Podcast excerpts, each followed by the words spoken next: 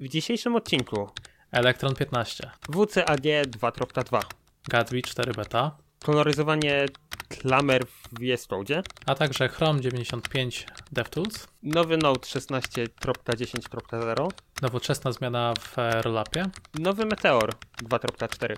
a także zmiany w React Suite. Devspresso. Newsy przedstawi dzisiaj Piotrek. I Sebastian.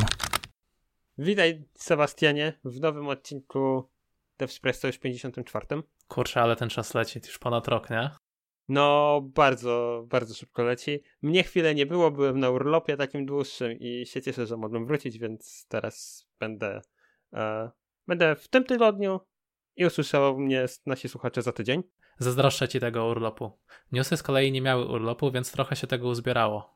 Więc może przejdźmy od razu do sedna. Ja mam dla ciebie newsa, dla ciebie w sumie i do naszych słuchaczy, newsa o Elektronie 15, bo został już oficjalnie wydany. Jeśli chodzi o liczby, to upgrade zawiera Chromium 94, V8 jest w wersji 9.4, Node 16.5.0, a z ważniejszych zmian to Native Window Open True, nie jest już eksperymentalny. Dodano Safe Storage String Encryption API, Frame Created Event do Web Contents, e, który emituje kiedy została stworzona strona. Oczywiście nie jest to wszystko, dlatego zachęcam osoby zainteresowane do przejrzenia changeloga. Dodam tylko, że nie odbyło się oczywiście bez breaking change. Kurde, powiem ci, że ciekawe te zmiany. Ja, takie nie jakieś wielkie, ale na tyle fajne, że z chęcią wezmę tę tapetę, bo samo Chromium 9.4 miało bardzo dużo zmian w swoim API, więc... Mhm. Powiem się, że ja nie korzystałem z Elektrona, znaczy korzystam na co dzień, ale nie pisałem, więc e, trudno mi się do tego odnieść. No to polecam, jakby wiesz, to jest pisanie tak jakbyś pisał pod przeglądarkę bardzo często, bo to jest w końcu Chromium, Mhm. ale musisz jakby, masz dodatkowe API, które pozwala na tworzenie rzeczy stricte desktopowych, nie? To nie jest może React Mhm. Native for desktops, które też za jakąś chwilę y, będzie jeszcze lepsze, bo już ono jest, nie? To chyba jeszcze... Microsoft mocno puszuje, nie? Tak, to Microsoft mocno puszuje i oni mają i u siebie te swoje część aplikacji, które mają w Windowsie tym 11 teraz, będą napisane stricte w React Mhm. Native i do tego i oni... to, wi- to widać też po lipkach, bo często teraz jest tak, e, że jest cała tabelka z supportowanymi e, wersjami, czy to właśnie iOS, Android i coraz częściej pojawia się też e, desktop. No, dokładnie. Dlatego oni bardzo puszują i ten a Electron jest na razie takim jeszcze zastępnikiem. Nie jestem wielkim fanem Electrona, bo patrzę na Slacka i on działa wolno, ale tak, jakby nie jestem jego, jego wielkim fanem. Nie będę, nie będę ukrywał. Dobra, to słuchaj, mam dla ciebie inny ciekawy news. Taki stricte powiązany z rzeczami deweloperskimi, a głównie z tematyką accessibility. Bardzo modny temat ostatnio. Tak, to jest modny temat, tym bardziej, że to nasze guideline, czyli WCAG, ma working draft w tej chwili.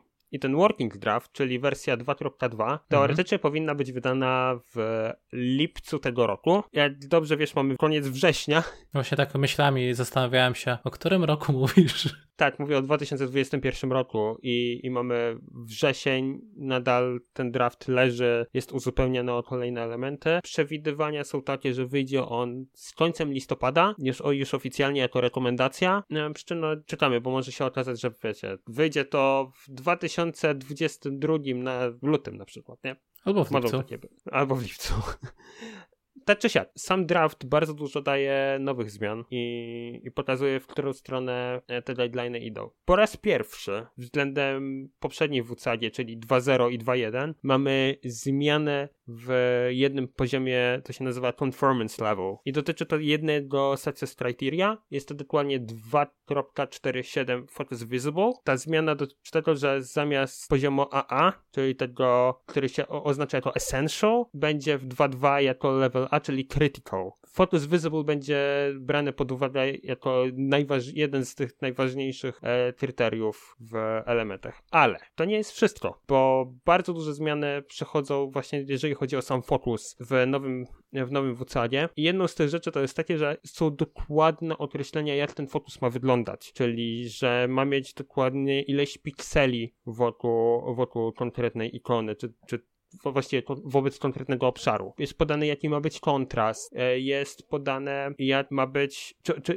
jak ma być ogarnięty fokus w momencie, kiedy tekst jest zasłonięty. I Mhm. jakby bardzo, bardzo dużo elementów tutaj się zmienia wobec Focusa i co ciekawe, mają dwie wersje, czyli jest wersja minimum, która opisuje tam, że outline na przykład, e, jeżeli mamy outline, to on musi być minimum jeden, o jeden piksel szerokości i sam kontrast, czyli tak naprawdę kolor tego outline'a musi być 3 do 1, jeżeli chodzi o, o kolorystykę, ale jest wersja e, Enhanced, czy, która jest automatycznie potrójnym A i tam jest na przykład powiedziane, że, że ten kontrast ma być 4,5 do 1. Więc jakby tutaj są takie delikatne zmiany. Dodają jeszcze zmiany dotyczące page break navigation, żeby dla osób, które na przykład robią, powiększają sobie stronę i zmienia im się układ przescrollowania, na przykład, nie wiem, instruktor na szkoleniu ci mówi, jak sobie przescrollujecie 37 razy, to znajdziecie to, co dokładnie, e, dokładnie to, co e, ja w tej chwili pokazuję. No i jak ktoś chce powiększył, pozmieniał trochę e, skalę, no to może się okazać, że to nie będzie 37 przesunięć, tylko 53. No i się już totalnie zmieniło. I to ma się zmienić w taki sposób, żeby te, żeby dodawać coś, co się nazywa page break locators. One pozwolą na lepszą nawigację po stronie. Kolejna rzecz to dragging movements. Jak się możesz domyślać, po prostu chodzi o to, żeby osobom, które mają problemy z myszką, czytaj osoby, które na przykład mają e, problemy w ogóle z trzymaniem czegokolwiek, e, mają choroby ruchowe, no to żeby mogły, jak klikają na listę, nie musiały robić drag and dropa, tylko mogły sobie kliknąć i wyskakuje na przykład menu, które mówi przesuń mi na kanbanie na przykład z silosa to do do silosa completed. Bardzo proste, bardzo fajne i, i uważam, że powinno być tego więcej. To nawet czasami bez schorzeń byłoby przydatne. Dokładnie. Bo nie oszukujmy się, niektóre drag and dropy są tak napisane, że z chęcią sam bym z tego korzystał. Dokładnie tak. Kolejna rzecz to jest target size, który też jest pod 2A. Jakby wszystko o czym mówię to są najczęściej podwójne A. Jedyna rzecz, która jest po, pojedynczym A to jest w tej chwili page break navigation. Target size. Wróćmy do target size'a. Target size, czyli opisanie elementów, które są rzeczywiście klikalne. Przykład, masz dwa przyciski cancel i submit. One są na tyle blisko siebie, że na telefonie jak chcesz kliknąć submit, to przypadkiem klikasz cancel. I tylko o to chodzi, żeby był odpowiedni spacing między nimi, żeby tekst był inline'owy i tego typu rzeczy. Dodanie e, rzeczy związanych z predictability, czyli kontekstowy help, najczęściej chodzi o czaty albo bot czaty, które są na stronie. Jest dokładny opis, że taki czat musi się znaleźć w prawym dolnym rogu. Koniec kropka. Mhm. Visible Controls chodzi o samo pokazanie, gdzie są jakie, jakie batony. I teraz chyba najciekawsza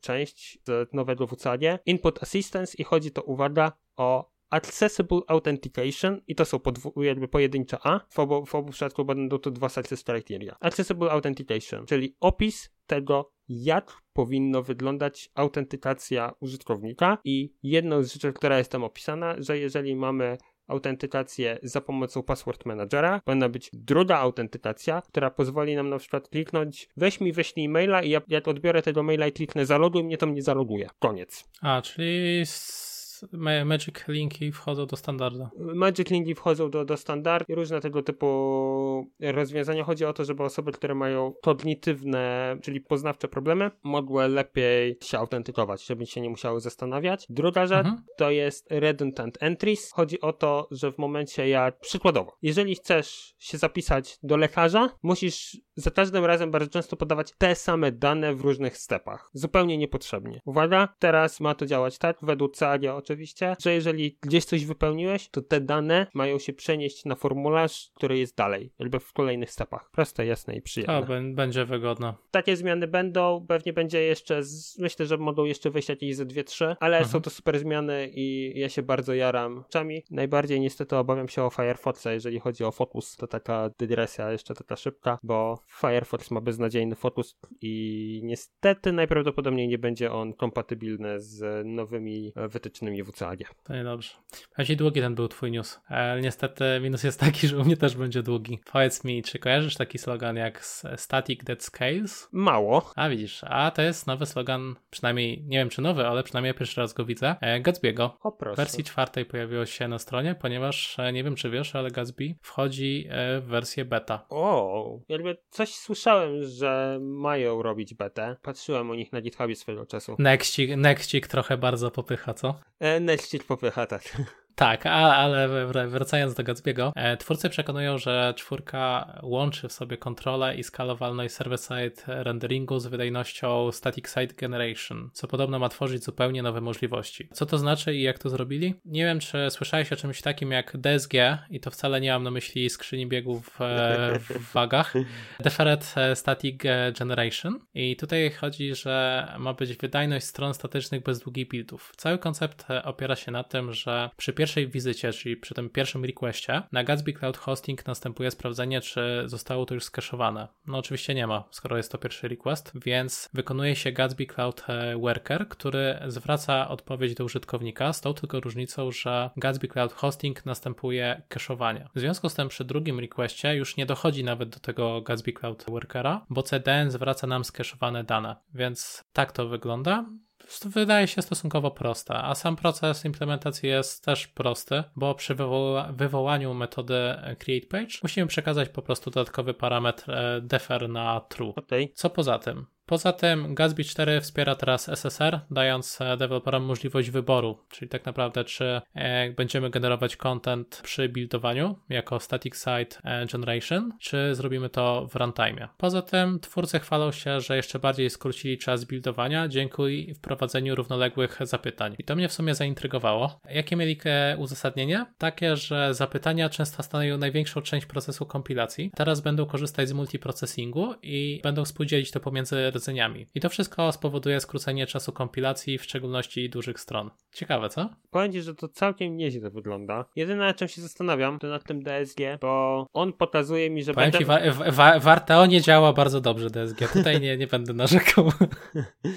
nie, ale tutaj jakby po, po tym, co mi tu przedstawiłeś, ja będę musiał to dokładniej doczytać, ale wydaje mi się, że oni tu bardzo opierają to, trochę jak Next ze swoim wercelem, czyli Gatsby będzie chciał, żebyśmy hostowali ich aplikację na Gatsby Cloud Hosting tak, specjalnie, żeby to, jakby, tak, tak, żeby tak, to tak. działało, nie? Też jak czytałem, to właśnie zastanawiałem się, czy inne hostingi będą to wspierały. Ale pozwól, że jeszcze dokończę, bo jeszcze e, ostatnią rzeczą w sumie, o której chcę powiedzieć, jest to, że usprawnili proces związany z preview witryn, ale tutaj w sumie nie mam porównania, bo nie, nie korzystałem z tego, więc ogólnie chcę spróbować, zwłaszcza, że są już dostępne startery dla wersji czwórki bety, więc myślę, że na pewno sobie spróbuję coś machnąć i zobaczę, jak to działa. Jakby ja nie będę próbował chyba dać zbiegu, bo nie jestem jego fanem. nie będę ukrywał. Pewnie powinienem, żeby zobaczyć, co ma konkurencja, ale aż tak bardzo dać. No, nie jest to mój ulubiony framework, próbowałem. Ja powiem się jakoś, czy jestem fanem, czy nie, zdarzyło mi się parę razy pisać, e, więc już naturalnie po prostu sprawdzę nową wersję, bo pewnie będę musiał coś podegrać, tak czy siak, z poprzednich projektów. Po to, jakby polecam każdemu sprawdzanie rzeczy, nawet jeżeli ich nie lubicie. Ja mam pewną awersję już do Gatsby'ego od jakiegoś czasu. No przecież wszyscy, wszyscy wiemy, że jesteś fanem Nexta Forever, więc tak. tutaj nawet nie ma co wchodzić wchodzić w dyskusję. Dokładnie, jestem, jestem bardzo nextowy. To słuchaj, ciekawostka, to, to może być trochę długie, ale miejmy nadzieję, że spróbuję, że uda mi się to skrócić. Mówiłeś o elektronie. Jak dobrze wiesz, mamy taką fajną aplikację, z której na pewno korzystasz na co dzień i większość deweloperów korzysta na, na co dzień. Nazywa się Visual Studio Code. Oczywiście. Na... Chociaż nie jestem jej fanem, to zgadza się, korzystam. No. I ona jest oczywiście napisana w elektronie. No i ciekawostka. Ciekawostka polega na tym, dokładnie 29 września pojawił się artykuł na blogu Visual Studio Code, który mówi, że poprawili kolorowanie par klamrowych nawiasów o 10 tysięcy razy, nie? Ale to poprawili czy zrobili? Bo coś mi się wydaje, że tego nie było w ogóle. I teraz uwaga. Zawsze instalowało się dodatkowy plugin. Dokładnie. Koncept jest dokładnie taki, że w 2016 roku niejaki Coenrad S stworzył bracket per colorizer, który bardzo szybko trafił do, do marketplace'a i w bardzo krótkim czasie stał się jedną z dziesięciu najczęściej ściąganych extension do, do VSC. No i miało w okolicach 6 milionów ściągnięć w, w ostatnim czasie. Ale co ciekawe, w 2018 roku ten sam deweloper stworzył wersję drugą, bo uwaga, wersja pierwsza miała bardzo duże problemy z wydajnością. No i... Tak, pamiętam to. I uwaga, tutaj nie dziwota też w tej chwili ma około 3 milionów zainstalowanych. Ale, uwaga, Microsoft zauważył, że ludzie bardzo lubią te rzeczy. Stwierdził, że hmm, może nie byłoby głupie, żebyśmy my to rzucili to do nas, jakby bezpośrednio do VSC. Ale dlaczego to zrobili? Opisali to dokładnie na blogu. Jedną z rzeczy, która, o której jest powiedziane, to jest to, że extension, które mamy w VSC, mogą robić rzeczy na, na dokumencie, który mamy otwarty, dopiero ja, jakby jak edytujesz coś, to dopiero jak skończysz edycję, dopiero może być przeprowadzony da, dalej proces. Nie może on trwać, e, robić się w trakcie, nie? Jakby pod mhm. spodem. Mhm. Przez co, jak miałeś taki plugin do koloryzowania klamer, no to zmieniałeś jedną, dodawałeś jedną klamrę i w tym momencie blokowało ci tak naprawdę wątek, z, e, komputer właził w 100% na CPU, robił, przepracowywał cały dokument i dopiero wtedy kolorował ci te brakety. No i to jest błąd, jakby błąd. Taki jest feature samego VSC, tak działają extensiony. I uwaga, zespół od VSC poprawił ten algorytm i poprawił w ogóle sam koncept, e, jak mogłoby się to dziać, bo mają dostęp bezpośrednio do API, jakby wewnątrz VSC. No i w tej chwili mamy dodane kolorowanie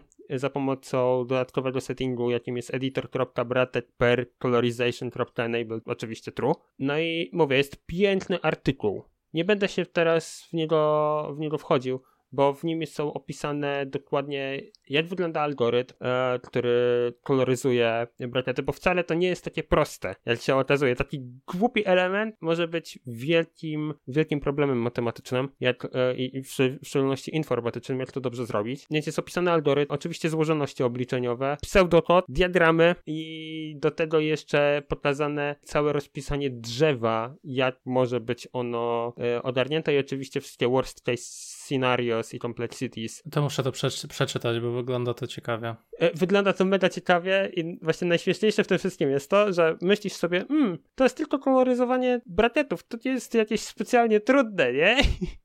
to jest taka hmm. głupota, po czym czytasz ten artykuł i mówisz, o, rzeczywiście, to wcale nie jest takie proste. Więc tak, Jasne. polecam też Dobra, Piotrek, chciałem trochę opowiedzieć o DevToolsach, które pojawiły się w Chromie. Pozwolisz? Oczywiście.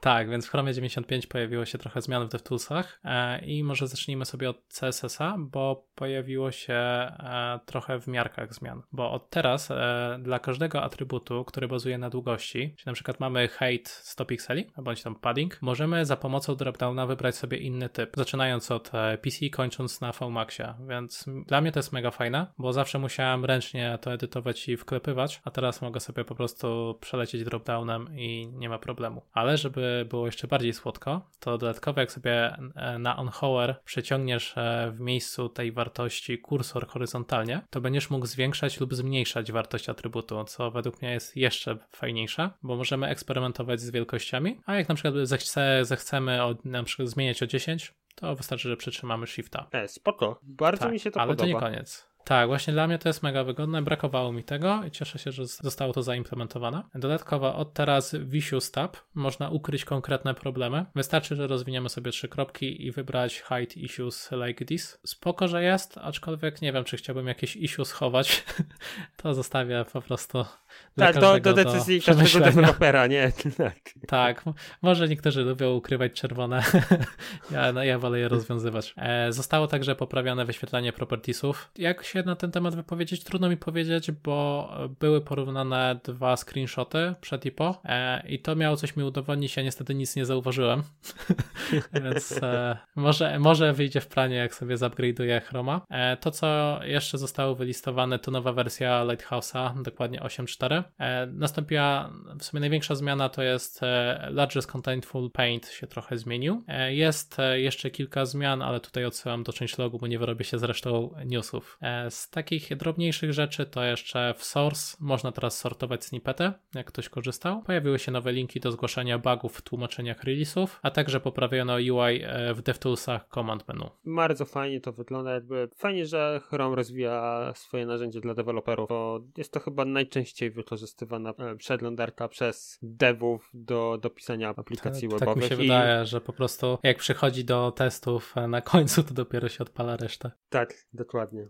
Dobra, to ja teraz będę miał szybkiego newsa, żeby nie było, że, że, że za dużo gadam. To jest dokładnie Note 16.10. Co ciekawe, ten newsik jest na tyle malutki, że nawet nie za bardzo wiem, co o nim powiedzieć, bo w Note 16.10 niewiele się zmieniło przez ostatni, zdaje się, tydzień czy dwa, kiedy był poprzedni Note 16.9.x, bo nie pamiętam, chłopaki tydzień temu o tym e, rozmawiali. No i jakie zmiany powstały? Podbicie NPM'a, podbicie Aturna, e, do nowej wersji, zmiana możliwości limitu requestów e, za pomocą HTTP. Dodatkowo zmiana w, za pomocą jednej flagi w CLI-u, wyszukiwania modułów w globalnych pathach typu nodepath czy e, home.nodemodules, nie? slash modules. Ta flaga się nazywa e, No Global Research Paths. I to tak naprawdę tyle. Nie są to duże zmiany, ale zawsze mile widziane. Jakby podbicie NPM na pewno dało dużo. To ja ci powiem Piotrze, że mam jeszcze krótszego newsa. Tutaj rywalizujemy. Eee, Rolapa raczej kojarzysz, co? Oczywiście. Tak, więc trafił mi się tweet Kasa Tigert Atkinsona, że Rollup w końcu otrzymał tryb nowoczesny. Tak to sformułował. Eee, a co to oznacza? Że ustawiając e, output e, generate code ES 2015, Rollup w końcu użyje takich rzeczy jak consty czy arrow functions do lepszej wydajności i mniejszego outputu kodu. Okej. Okay. Brzmi jak coś, co... Powinno być dawno. Nie jest mi specjalnie... Nie musiał... Ja nie powinienem musieć o tym słyszeć, że to jest. No, właśnie dlatego Trochę specjalnie to wrzuciłem, bo wydało się na tyle śmieszne. No, jakby fajnie, że rollup się rozwija, fajnie, że, że jest teraz up to date z nowymi rzeczami. Super, fajnie rollup. Witamy, e, witamy w XXI wieku. Można tak to ładnie nazwać. Dobra, to kolejny news, szybko. Meteor. E, Meteor 2.4. Jak Julet mnie teraz słucha i mam nadzieję, że nas, że nas słucha, to troszkę mu się uśmieszek zrobi na ustach, bo ja i Julet pracowaliśmy na Meteorze jeszcze w wersji z tego co pamiętam 1.4, czyli dawno, dawno temu. No mhm. i ciekawostka, główny, jeden z takich głównych newsów, uwaga, łatwiej teraz Meteora zainstalować. A to był problem? To był problem. trochę nie w temacie jestem. To uwaga, z Meteorem był o tyle problem, że były dystrybuowane oddzielne paczki. I te paczki e, dla Meteora, na przykład, żeby zainstalować go na Macu, trzeba było wykorzystać na przykład Bru albo po prostu Stript SH. E, na Linuxie o, oczywiście panie. Stript SH, a na Windowsie albo ściągałeś całego Bina i go instalowałeś, albo za pomocą, to się nazywało Chotlato, jakoś taki ten, ten package manager. Chocolatej, to tak, tak, coś tak, czekolatej, tak, coś takiego. No to tam można było. Uwaga, od wersji 2.3 był wprowadzony, wprowadzona instalacja za pomocą NPM'a